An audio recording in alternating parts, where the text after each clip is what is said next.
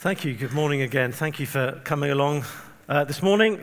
Um, Saturday mornings are normally times for being lazy and having a lie-in and things, so thank you for being willing to, to come to this. Um, our topic in this first session is, is God anti-gay, and uh, we'll be looking after the break then at singleness and some of the things the Bible says about singleness. We'll spend a bit longer on this first session, so don't worry if you're, you're thinking this is quite long. Um, it's just I, I really want to cover a significant amount of ground in this uh, first session, not least because it's such a, a tender issue and such a, a, contentious issue in our culture. And when we think about the issue of, of human sexuality, particularly when we think of homosexuality, uh, for most of us, this is not an abstract issue. It's not a somewhere out there issue. Uh, when it comes to things like same sex attraction or people being LGBT, plus, um, most of us know someone in our close orbit who would be either they, they call themselves LGBT or same sex attracted or whatever it might be. And so when we're thinking about this topic, we're thinking about people. Uh, we're thinking about flesh and blood, people that are very dear to us. Uh, so there's nothing abstract or theoretical. Uh, this is about people who mean a lot to us. And for some of us, it's, it's actually even closer to home than that. It's not just that we know people for whom this is deeply personal and experiential, but actually for some of us, this is part of our own experience as well. And that's certainly been um, the case for me. The only real romantic and sexual feelings I've ever experienced have been for people of the same sex. And it took me a long time to recognize that. Um, I remember when I was at um, high school, uh, I think I was about 14. My, my best friend at the time started dating a girl um, for the first time. And I remember as he shared this with everyone, everyone else was kind of, you know, really excited and happy for him. And I remember kind of congratulating him, but inside, I just felt very crushed. And I didn't know why. I hadn't sort of consciously thought of my friend in a, in a romantic or a sexual way. But looking back on it now, I was already beginning to form quite a deep emotional attachment to him. And so the thought that he was now very intimate with somebody else left me feeling very kind of vulnerable and threatened. And so that was the first indication, looking back on it, of what was going on with my own sexuality. Now, I was a, a teenager 25 or so years ago. Uh, it was a very different world then. Uh, issues of homosexuality and, and different forms of sexual identity just weren't on the radar in the way that they are now. And so it actually took me quite a long time to figure out what was going on. So, over the next couple of years, um, I began to realize that I was developing in a way that was different to my friends. Um, I, was, I was in an all boys school, and so we only ever talked about two things we talked about um, sport and we talked about girls. Uh, when it comes to sport, I'm hopeless. Okay, I can't throw a ball if you pay me money to. Um, a bit like the England cricket team, actually. They can't seem to do that either. Anyway, someone is paying them money to. Um, and I just I had no coordination. So if, if it's possible for your center of gravity to be somewhere outside of your body, I think mine is. Because anything involving coordination or balance, I'd always be falling over, missing it, whatever it was. So I was no good at sport, and I began to realize I was no good at talking about girls either. I had plenty of girls that I was friends with and liked and, and enjoyed being around. But I began to realize that I wasn't experiencing the same kind of feelings towards those girls that my friends were describing uh, themselves as, as experiencing. And it just became more and more apparent that there was something I was meant to be part of that, but, but wasn't.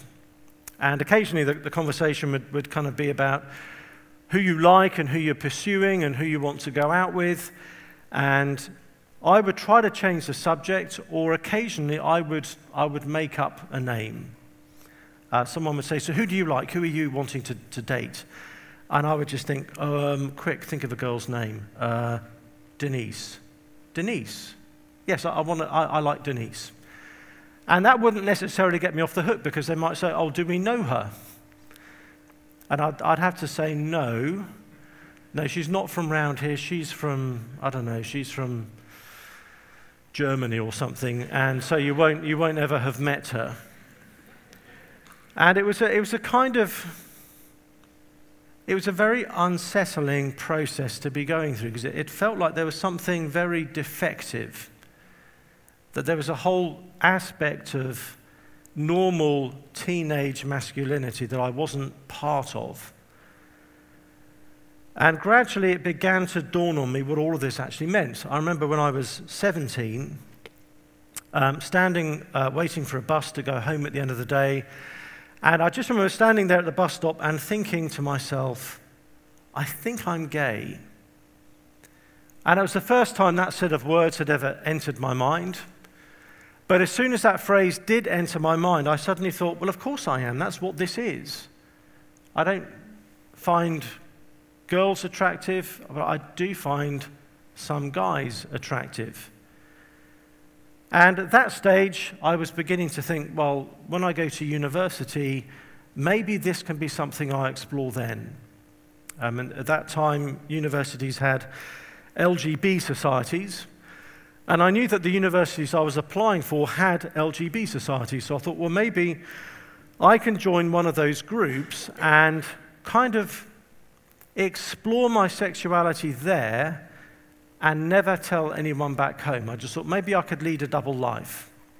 And this was long enough ago that it was, I'm embarrassed to say this, this was just before the internet. If you can remember those, can you remember life before the internet? Um, I don't know how we lived, but we, we somehow managed to. So it was entirely plausible for me to be one thing at university and another thing back home, and for people at home not to know. And that was what I was beginning to, to plan. But as I said earlier, it was shortly after that that I, I became a Christian. And after I became a Christian, obviously, I now had a new framework, uh, a new set of priorities in my life. And so I became a follower of Jesus only a short period of time after beginning to kind of recognize and understand my own sexuality. And so, as a new disciple of Jesus, the big question for me was well, what, what do I do with my sexuality now that I follow Jesus? And I didn't know what the answer to that was, but I, I knew I needed to follow Jesus, so I therefore needed to know what Jesus thinks about sexuality. And I didn't know what Jesus taught on this, but I did know that I could trust him.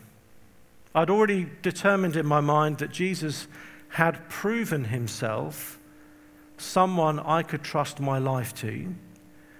And therefore, whatever Jesus did say on this issue would be okay because it's Jesus. So, let me share with you a few scriptures where Jesus begins to teach on some of these things. And I want us to focus specifically on the teaching of Jesus, not because the teaching of the rest of the Bible is, is less authoritative or less relevant. I want to focus on the teaching of Jesus because so many people today believe that Jesus is, is neutral on issues of human sexuality. Uh, people think that Jesus didn't have any, any kind of hang ups, any kind of constraints, that whereas other parts of the Bible are very strict or some would say oppressive. Jesus is kind of just relaxed and easy when it comes to sexuality. So I want to show us that Jesus has a lot to say on this, and what he says impacts every single one of us. And actually, if we understand what Jesus says about sex and marriage, actually, that will deeply challenge every single one of us. So let's, uh, let's begin. Um, these are three passages that are all in Matthew's Gospel. I think they're going to appear behind me in words that I don't understand, but you will. Um, so the first one is Matthew chapter 5, verses 27 and 28. This is part of the Sermon on the Mount, maybe well be familiar words to a number of us. But Jesus says this in Matthew 5, verse 27. Jesus says, You have heard that it was said, You shall not commit adultery. Okay, that was one of the, the Ten Commandments. That's why they had heard it. They had heard the Ten Commandments. So Jesus says, You've heard this commandment, you know this commandment, you're familiar with this commandment, and actually, most people feel quite confident with this commandment. Uh, if you think about the Ten Commandments and where you feel you are strongest, for most of us it would be, well, I've not murdered anyone and I've not committed adultery. And so most of us are feeling as though we've made a mess of many things, but I'm, I'm good on this one. And so that may have been why Jesus particularly references it. You've heard that it was said, You shall not commit adultery. And you can imagine everyone going, Yep. And, and we've, we've, we're good on that one, Jesus. We're, we're obedient. We're fine. Then Jesus adds, But I say to you that anyone who looks at a woman with lustful intent has already committed adultery with her in his heart. So Jesus is saying, You've heard the commandment, but you've only so far applied it to what you physically do with your body. Whereas actually, the commandment is also about what you do in your mind and what you do in your heart. Uh, Jesus says, if you look at someone with lustful intent, you have already committed adultery in your heart. So he's saying it's not just about what you do with your, your genitals, it's about what you do with your eyes.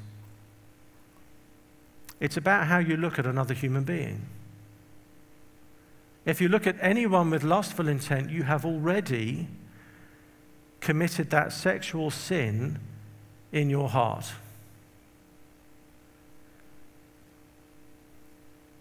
So now, how many of us are feeling confident on that commandment?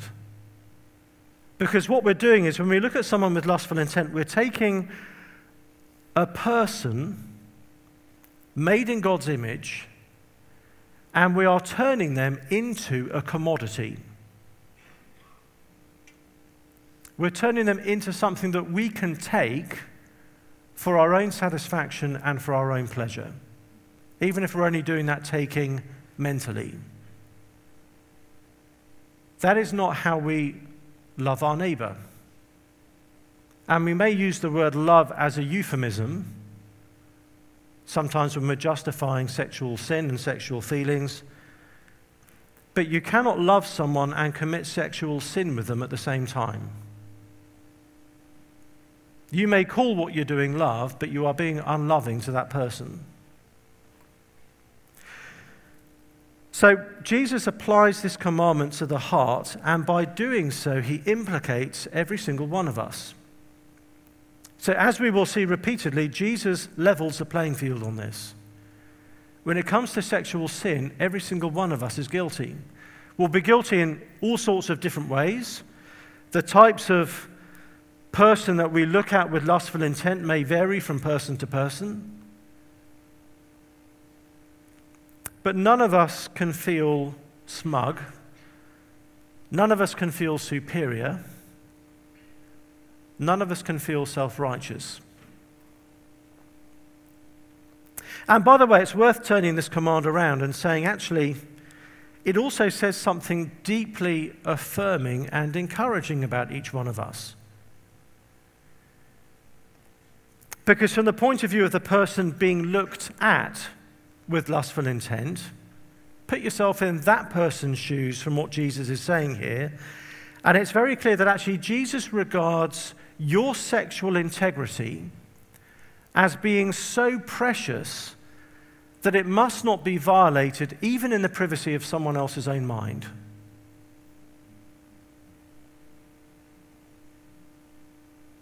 Okay, God is the one who has made us sexual beings.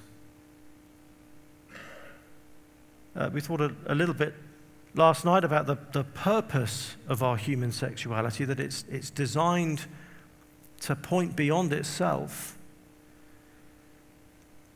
And therefore, our sexual integrity really matters. So, whatever Jesus goes on to say about sexual ethics, it's not because he has a low view of sex. It's not because he has a low, kind of dirty view of human sexuality. It's actually because of the opposite. Jesus has a precious view of human sexuality. Um, I was I spent the first few months of last year living in the States. Uh, January through to May of last year, I was based um, teaching at a university. And two people loaned me cars to drive for my time there very generously. Uh, the first person lent me his old kind of truck. Um, he'd bought it for, you know, next to nothing a few years earlier. Um, it was already dented and bashed up and falling apart. So he was thinking, it doesn't matter if an Englishman drives this because it's kind of, it's done in anyway. And uh, he knew that I hadn't driven in the States before and that my, my, all of my default settings are to drive on the left hand side of the road. So he was thinking, you know, when this idiot Englishman, you know, crashes into someone, it's not going to matter a huge deal because the car's so cheap anyway.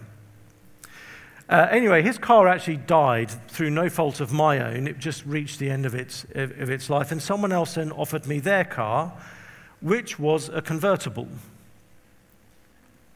and very, very nice indeed. They lent me a sports car. Now, you can imagine, I mean, I want to be careful with other people's property anyway, but you can imagine how much more careful I was with the sports car than I was with the truck. Uh, with the truck, if you scuffed the side a bit or, you know, were a bit rough with it, it didn't really matter because it was already a mess. But with the sports car, I remember thinking, this, wow, this is really nice. This is a really nice car. I'm going to be super careful with this. Kind of driving around at 15 miles an hour just in case. Took about 20 minutes just to park it, didn't want to touch anything. And Jesus, if you like, is saying that we, we have a bashed up truck view of our sexuality in the Western world today. We kind of think it doesn't matter, it's only sex, it's just sex, we talk about having casual sex. And the implication is well, it, it's not a big deal, it's just physical, it's just biology. And just have fun with it. It doesn't really matter who you lend it to or what they do with it, it's just sex. What Jesus shows us is actually our sexuality is worth far more than we realize. And if we realized how precious it was, we would be wanting to take far, more, far better care of it. And actually, I think as a culture, we're beginning to recognize some aspects of what Jesus is saying here. Because with the Me Too movement, with a growing awareness of the prevalence of sexual assault and the long term damage done by sexual assault, it is becoming more and more apparent that this is not just physical. Uh, physical abuse in itself is bad enough. But we're recognizing that with sexual abuse, the repercussions can be lifelong and frequently are. That there's something about someone's sexuality that, when violated, can be devastating. And so it's interesting, I think, the kind of cultural time that we're in is there's, there's this kind of contradiction between some people trying to say, why do Christians have hang ups about sex? It's only sex, it's just a physical appetite, we're only animals, stop being so prudish. And yet, this awareness that actually there's something uniquely precious about human sexuality that when it is violated, it is devastating. Does that make sense? So that's Matthew 5. The next passage is, is Matthew 15. And Jesus is having a, a discussion with the, the Pharisees and the scribes, and they very much believed in sin. They were very strong on their, their view of sin, but their belief about sin was that sin was somewhere out there and you needed to avoid it. So they saw sin, I guess, in the kind of way we might see infection. You know, there's, there's spiritual infection out there. You've got to be really careful not to catch it and not to be contaminated by it. And so the Pharisees had a whole kind of system of things and people and places that you would avoid so as to not become spiritually infected.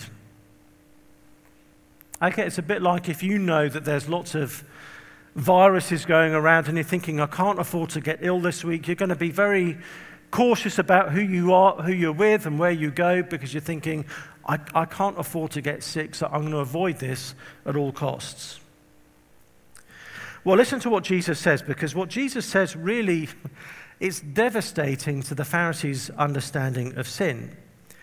Uh, Jesus says in verse 19, um, For out of the heart come evil thoughts, murder, adultery, sexual immorality, theft, false witness, slander.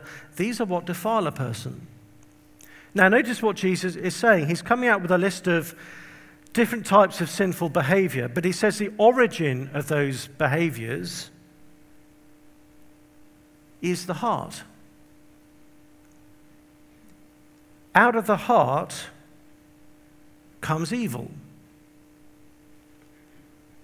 Now, that's devastating for the Pharisee because Jesus is saying, listen, you are correct that there is such a thing as being spiritually infected.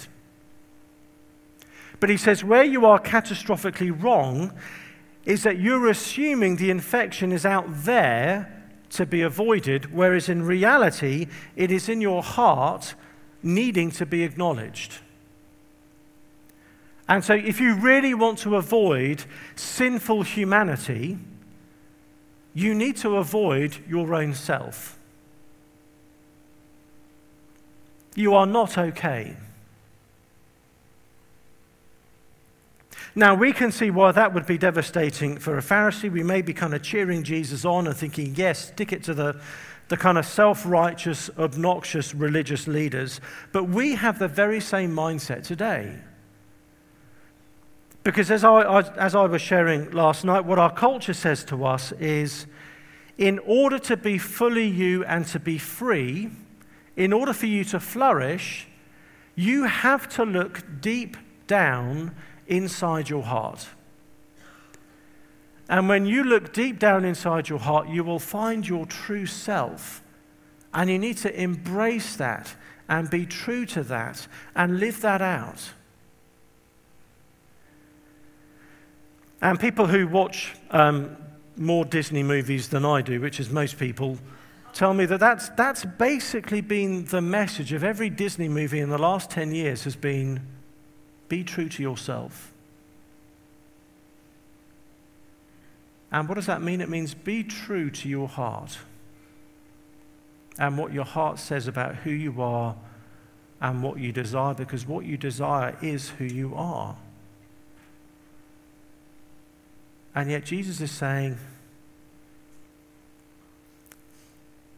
listen, if you look deep inside your heart, you're not going to find the solution to your angst.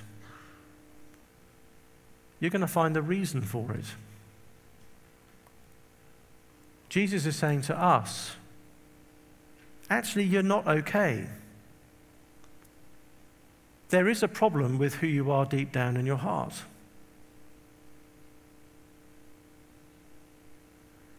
And if there are problems in this world, it's not because people aren't being true to themselves, it's because they are being true to themselves.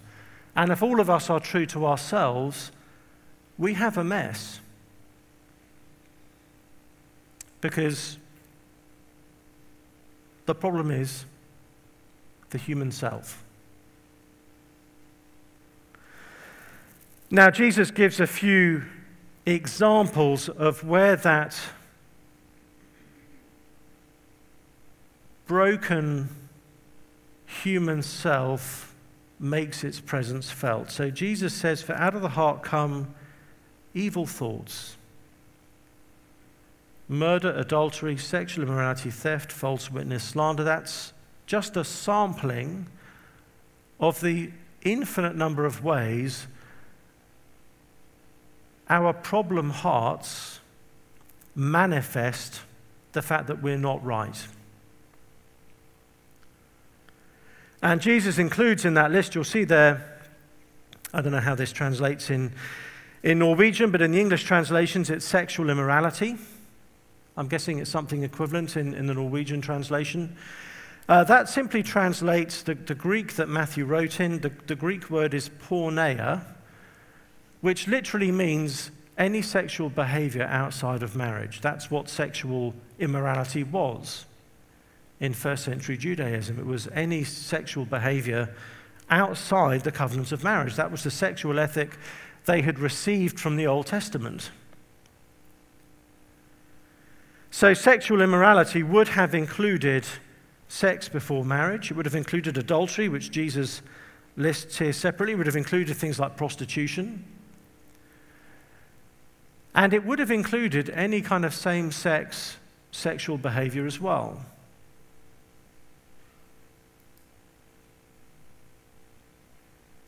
The fact that Jesus doesn't name homosexuality in verses like this is not an indication that Jesus is approving of homosexuality. Because actually, words that Jesus uses include homosexuality. That phrase, sexual immorality, that Greek word porneia, is an umbrella term that would have included it. So, just as I could say to you this morning that I'm, I'm so pleased you've come, I'm going to give you all a million kroner. Is that your currency? For, just for turning up, I'm going to give each of you a million kroner. Okay? I'm not going to, but imagine I said that. Now, on the way out, you would all make a point of coming up to me and saying hello. And you would all be doing that because I've made a promise and you want to get your million kroner. Now, I don't need to have named you for that promise to apply to you. The phrasing of the promise includes you even if it doesn't name you. And in the way Jesus words this, he doesn't need to name homosexuality for it to be included in what he's saying.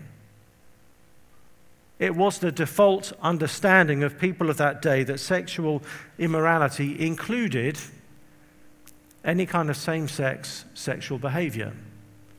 That wasn't being contested in first century Judaism.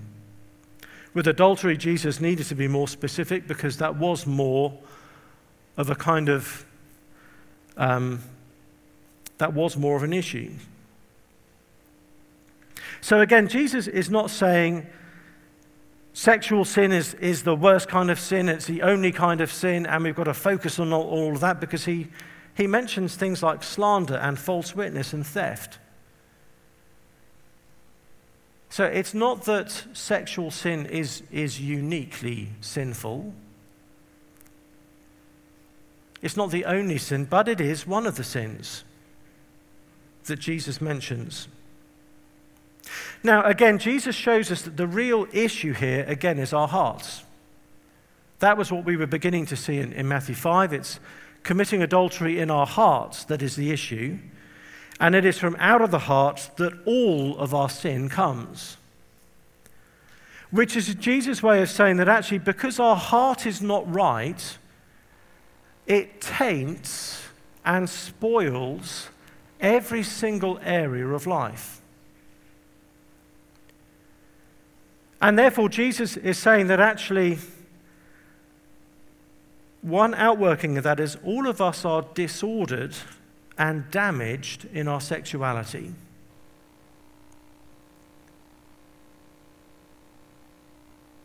Uh, sin touches and taints every single area of life, including our sexuality, so all of us are fallen in our sexuality. All of us have disordered sexual desires.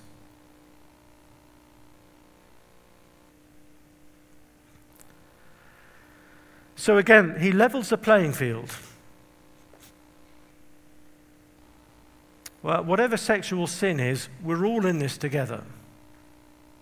Ultimately, we're all in the same boat. Uh, next passage is Matthew chapter 19 uh, verses 3 to 6, Jesus is again interacting with uh, the Pharisees, and they are trying to trap Jesus.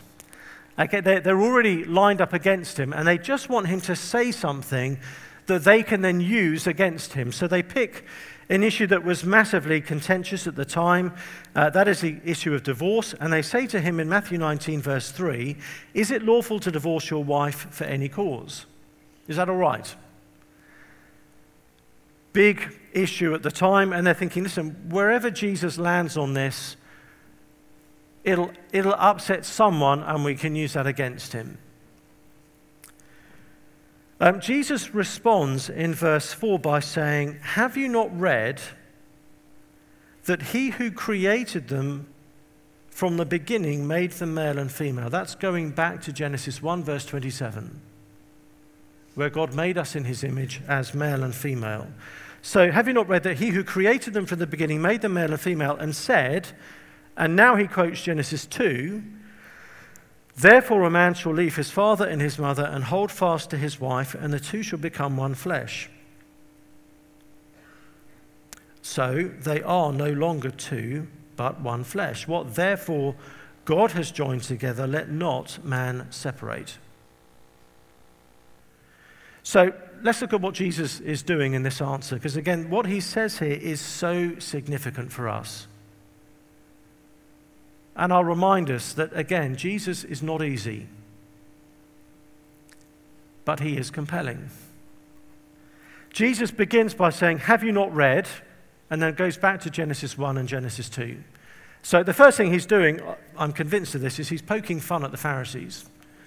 Okay, they were super proud of how thoroughly they knew the Old Testament. You know, they had memorized swathes of the Old Testament and knew it off by heart. And Jesus says, Hey, in your kind of Bible reading, did you ever get as far as, I don't know, page one? Did you make it, you know, halfway through Genesis 1 yet? Have you actually read this stuff? So he's poking fun at them, but look at what he's doing. He's asked a question about divorce. He answers by talking about what marriage is. So he's saying, listen, you're not going to understand divorce unless you understand marriage. But more than that, by going to Genesis 1 and not just Genesis 2, Jesus is also saying you're not going to understand marriage unless you understand gender. So the beginning point for thinking about marriage is not Genesis 2, but Genesis 1. Marriage is not simply person A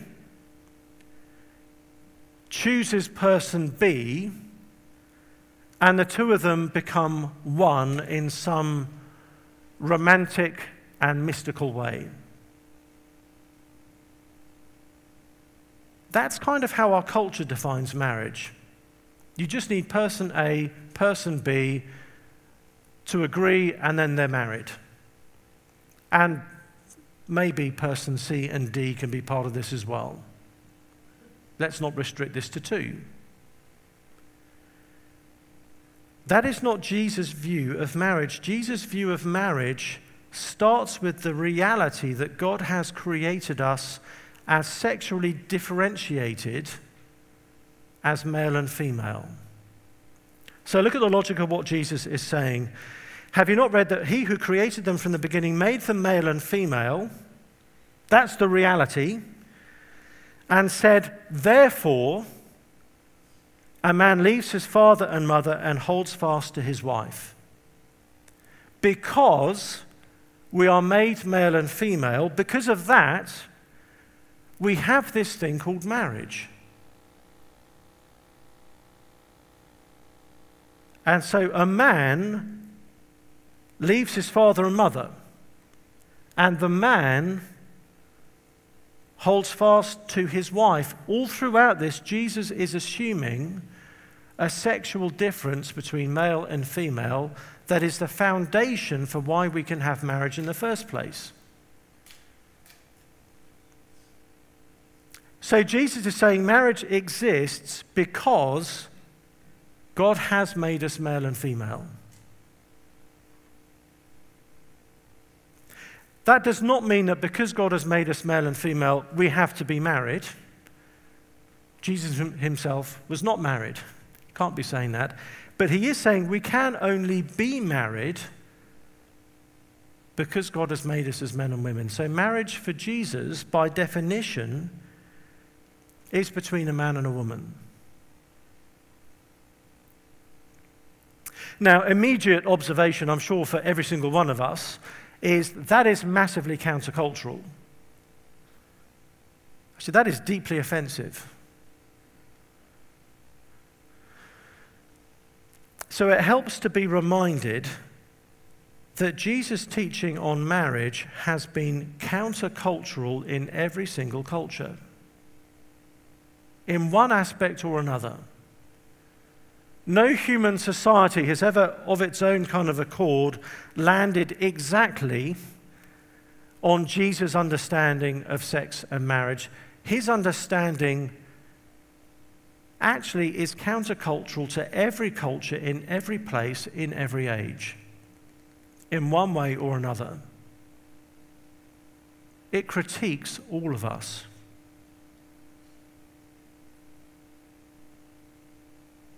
Uh, you go to, to diff- very different cultural settings and you see a totally different way in which this same teaching critiques them.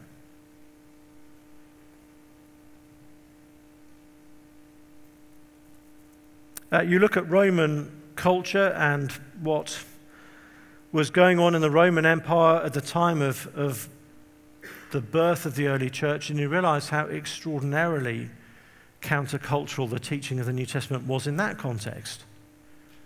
It was radical. And as we saw a little bit last night, and we'll think a bit more on this um, later today as well, this particular union of male and female is not arbitrary. But it, it speaks of something beyond itself. It points to something, it points to a deeper reality.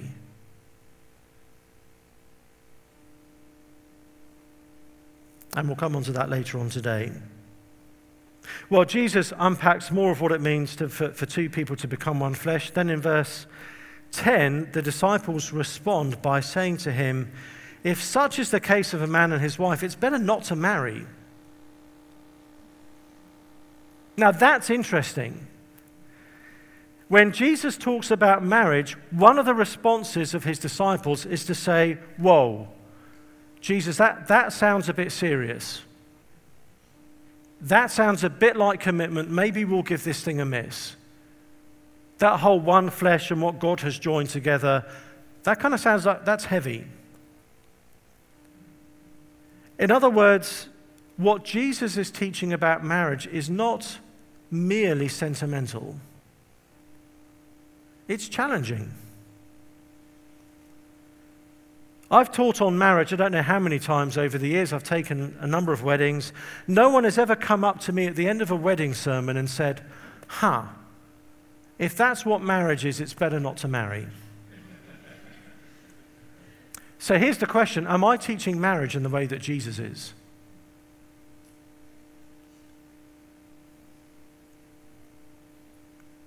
Well, the disciples say, if such is the case of a man and his wife, it's better not to marry. Jesus doesn't say, Yes, that's why it's good to live together for a bit first.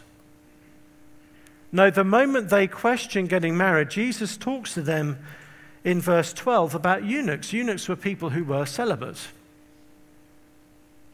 In many cases, because of some form of, of biological abnormality. In other cases, through their own vocation. But for our purposes, the only godly alternative to marriage that Jesus commends is to be a eunuch. Not just to be unmarried, but to be unmarried and celibate. which to many people in our culture sounds like a kind of death sentence. So come back after the coffee break and we'll talk about singleness.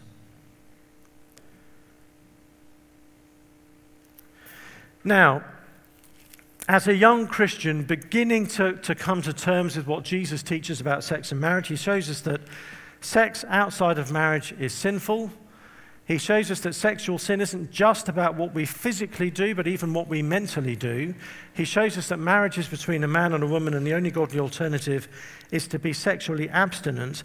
I was left with a decision to make. As a fairly young disciple, now that I know this is what Jesus says, What do I do? I have a choice. Continue with Jesus, but at the expense of not fulfilling my sexual feelings, or fulfill my sexual feelings and not be following Jesus. One thing was very clear to me then, it's even more clear to me now, is I couldn't do both with integrity. I can't say I'm following Jesus whilst disobeying Jesus. And to try and make the teaching of Jesus approving of same sex relationships, you really have to kind of do some gymnastics in the way that you read the passage. Uh, you cannot make the Bible affirming of same sex relationships without destroying your relationship to the Bible. You just can't. I've seen people try it, it just doesn't work. You're effectively saying, well, if you, if you turn the, the passage sideways and squint a bit and kind of translate it into Japanese and then back again, it might kind of say this. But really, you cannot have Scripture as an authority over you if you're treating it in that kind of way. Well, my decision, as I think probably won't surprise you by now, was to think, okay, I'm still going to follow Jesus. Even if this is one of the implications of what he teaches. And because that is such a countercultural, unusual, bizarre thing to decide in our own time, I want to give you three reasons why I made that decision and why it's still the right decision to make. And then we'll stop and have some coffee. So, three reasons that all to do with Jesus. The first is because of who he is. Um, to, to people who aren't Christians, my decision is absurd because I'm choosing an ancient religious book and an old religious leader rather than fulfilling my sexuality, which in our culture is the way you truly become and be yourself. Now, you put it in those terms, and it sounds like a no brainer fulfill your sexuality. But when we understand who Jesus really is, we don't put it in those terms. I'm not choosing blind loyalty to an ancient book. I'm following a living Savior who is the most compelling voice in reality. And so I have to say to my, my non Christian friends listen, my lifestyle, my life choices may not make sense to you because you don't realize who Jesus Christ is. If you realized who Jesus Christ is, you'd be following him too.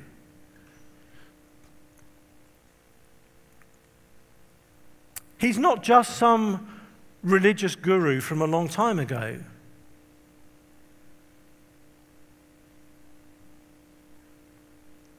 No, what we know as, as believers, what I, I hope you know, and start each day basking in the knowledge of is Jesus knows you better than you know yourself because Jesus made you. Jesus came up with the idea of you in the first place. He knows you fully. Not only does he know you better than you know yourself, but he loves you more than you love yourself. And He's more committed to your ultimate joy than even you are. How crazy is that?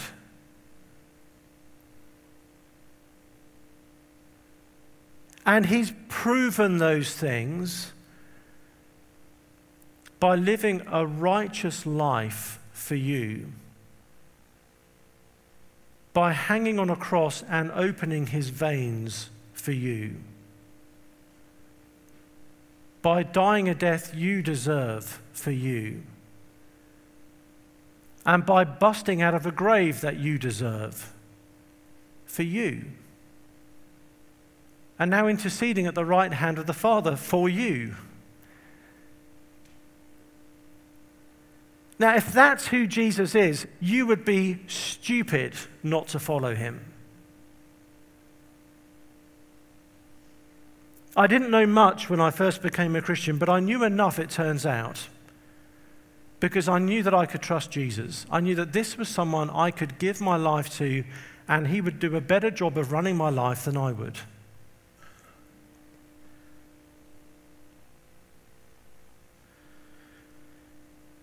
Um, there's a, a, phrase a friend of mine has on the office, uh, the wall of her office. Uh, it's one of these little framed aphorisms.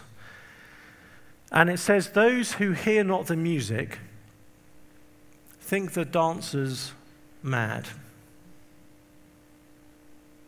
And it's true. you, you watch a music video and take away the sound, and it looks ridiculous. You put the sound back on, and it makes a bit of sense. Not necessarily much. You, you take the person, the identity, the work of Jesus out of the frame, and the Christian life looks like madness.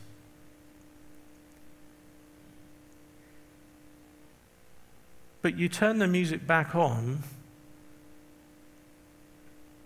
and we're dancing to a beautiful melody.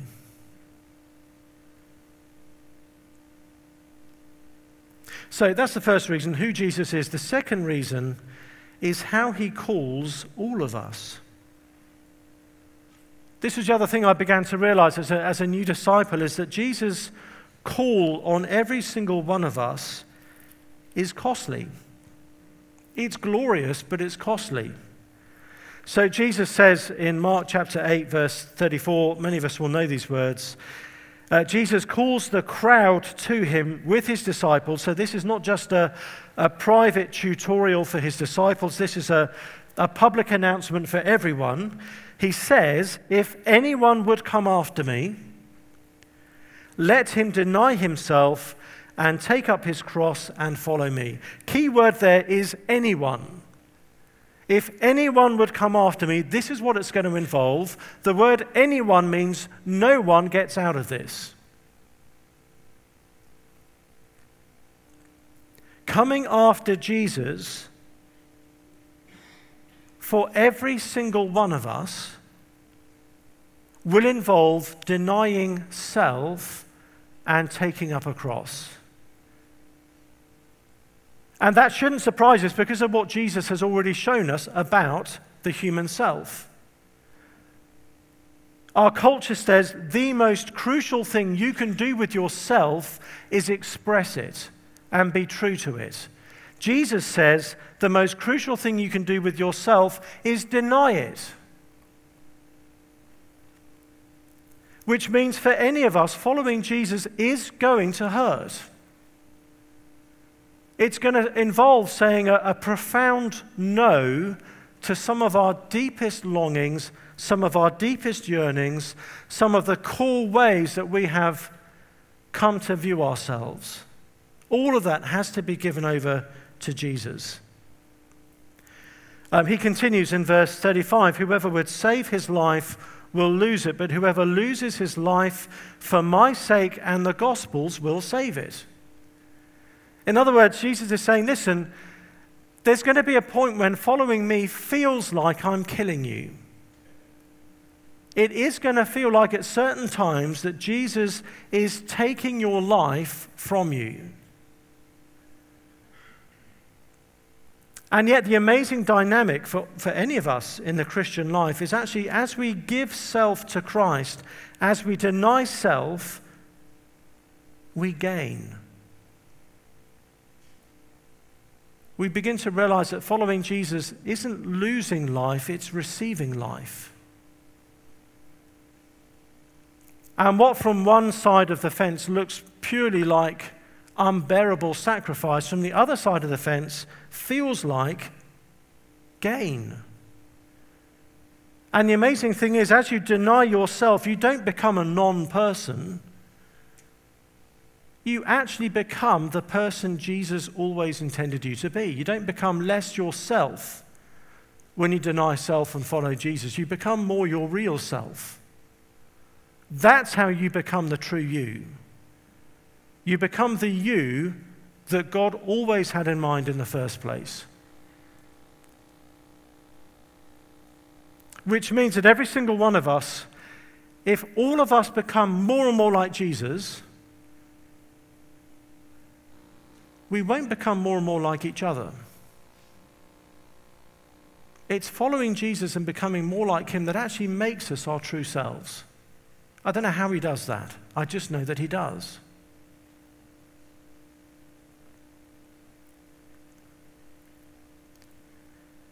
But it means that actually discipleship for anyone is, is costly. Jesus never hides that. He's always up front. He doesn't bury that in the small print. You know, when you get an update on your phone and it says, Have you read the terms and conditions? And you go, Well, clearly not, but I'm going to say yes anyway. He doesn't hide stuff down there. He's up front with it. This is what following me is going to look like. None of us is going to be duped into following Jesus.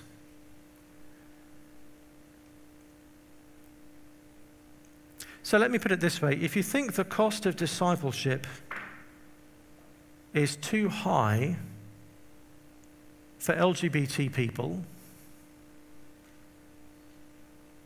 you think it's too high for anyone. And if I may be so bold, I, I suspect it's because you've not counted the cost of discipleship in your own life. Someone came up to me once and said, Are you, are you telling me Jesus wants my sexuality?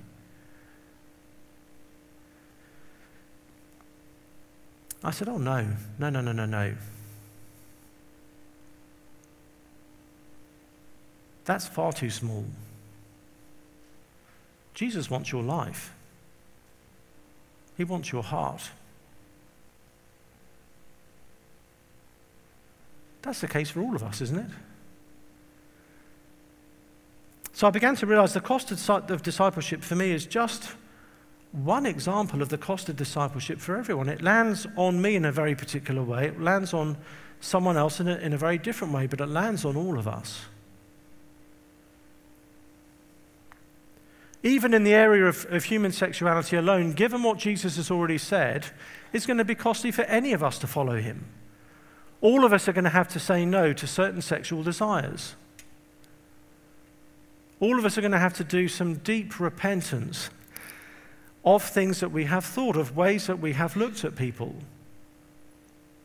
of things that we have done with people. No one gets everything their way sexually. Jesus doesn't gather up all the heterosexual people and say, Well done, folks. I mean, really, really, that's great work. Now, carry on as you were. Just keep going. Fantastic job. And then he gathers up all the non heterosexual people and says, Guys, we, have actually got a bit of an issue here. No, Jesus' message is the same to all of us. You're sexually broken, you're sexually fallen. And that's why all of us need him. Actually, it's why we need him in every area of life. Because sin taints every area of life, we need Jesus in every area of life. Whose sexuality is going to be improved by keeping Jesus away from it?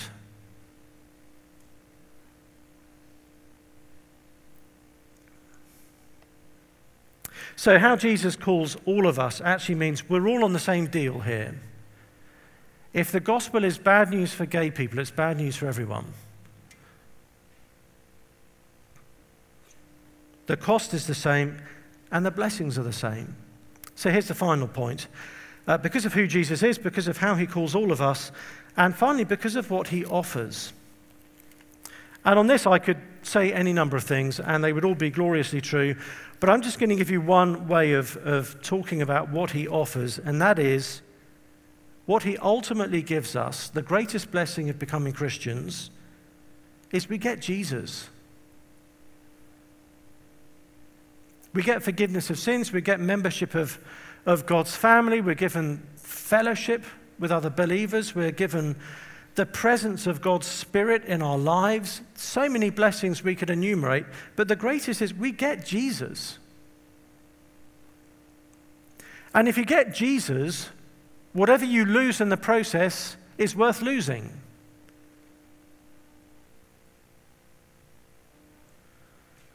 So, John chapter 6, verse 35, Jesus says, I am the bread of life.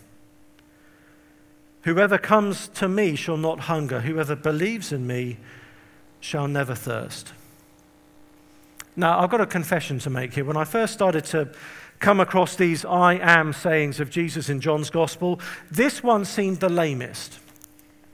Okay, you've got other ones that feel very kind of high octane and urgent and immediate and vivid. I am the way, the truth, and the life. And you're thinking, yes, I need the way and the truth and the life. Yes, give it to me. I am the good shepherd. And we think, yes, oh man, I, I need that. I'm a dumb sheep. But then Jesus says, I'm the bread of life. And we think, um, okay, I mean, well done, I guess. That's, that's good. I'm I'm pro bread, so. And we don't quite know what to do with it. It, it just sort of feels so much lower grade than all these other things. It's like Jesus was, was running out of things to put on his CV and was like, oh, I'm, I'm the bread of life too. And we're like, oh, well, that's, that's, that's good, well done.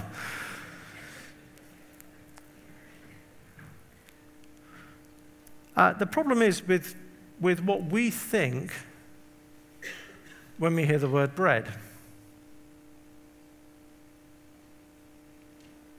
Um, I went out for lunch with, with a friend recently. The waiter came up to the table and said, Would you like any bread for the table? And we glanced at each other and said, Actually, no, I think we're all right, thanks. We'll wait for the main food to arrive. That'll, that'll be enough. That's how we see bread.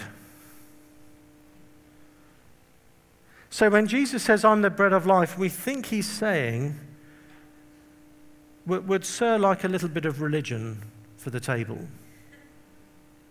And we think, no, I'm probably all right today.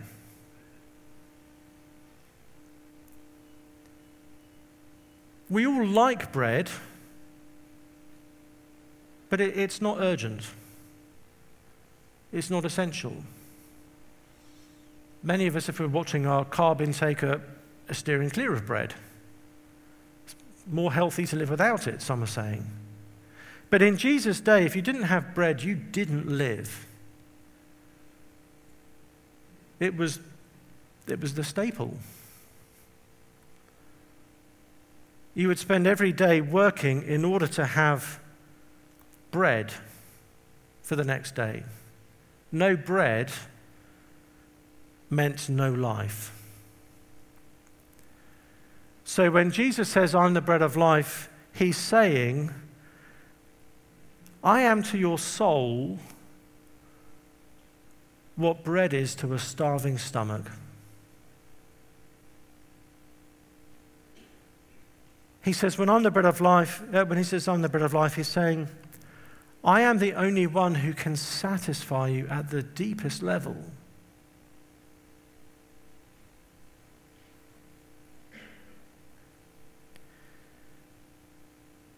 And the reason we are so hesitant to follow Jesus is because we are trying to make other things the bread of life. I was speaking at a university last um, Friday, and one of the students said,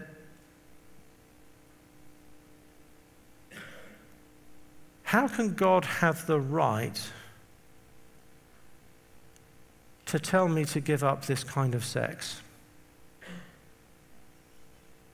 It's a good question. It's a very obvious question for a student to ask. But it was interesting. The implication is there's any number of things God can tell me to, to kind of constrain myself on. And I even said to her, listen, you know, it's interesting that for, for religion, people will give up all sorts of things. In some religions, you give up eating beef. In other religions, you give up eating pork. In other religions, you give up eating, eating meat entirely. In some religions, you give up this block of time each week, or you commit yourself to only. There's all kinds of constraints and sacrifices that various religions call on people to make. In some religions, you get circumcised. So it's, it's interesting that in our generation, the non negotiable, the step too far, is that God should tell me who I sleep with. Why is that the non negotiable? Why is that the thing that is, you know, I'll give you all these other things, but I'm never, don't you even think about constraining me here? It's because we think sexual freedom is the bread of life. That is the one thing I need in order to do life. So, religion can have everything else, but I'm keeping this because this is what I most fundamentally need to, for, for life to work.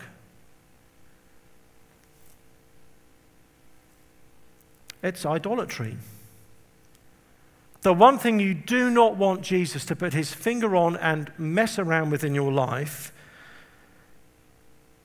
is the thing that you are trusting in more than you are trusting in Jesus. And you're telling yourself that's the bread of life because that's the thing my soul needs in order to survive. And so John 6, verse 35 becomes very, very challenging. Jesus is saying, I'm the bread of life. Nothing else is. No one else is. Only me. What your soul needs is me. Nothing else will satisfy. Nothing else will end the hunger of your soul. Nothing else will end the thirst of your soul.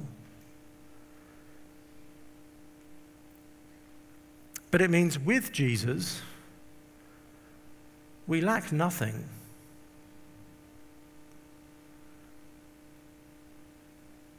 And whatever else discipleship costs us, if we get Jesus, we've hit the jackpot. It's never a bad deal to follow Jesus. Now, there are times, if I'm honest with you, there are times as a, as a long term single man when there are times I would love to be married. There are times I'd love to be a, a dad. Those are wonderful gifts. But those aren't the real win. The real win for me is that I get more of Jesus. That's the best thing any of us can get is more of Jesus and maybe just maybe we might become a bit more like him. Amen. Amen.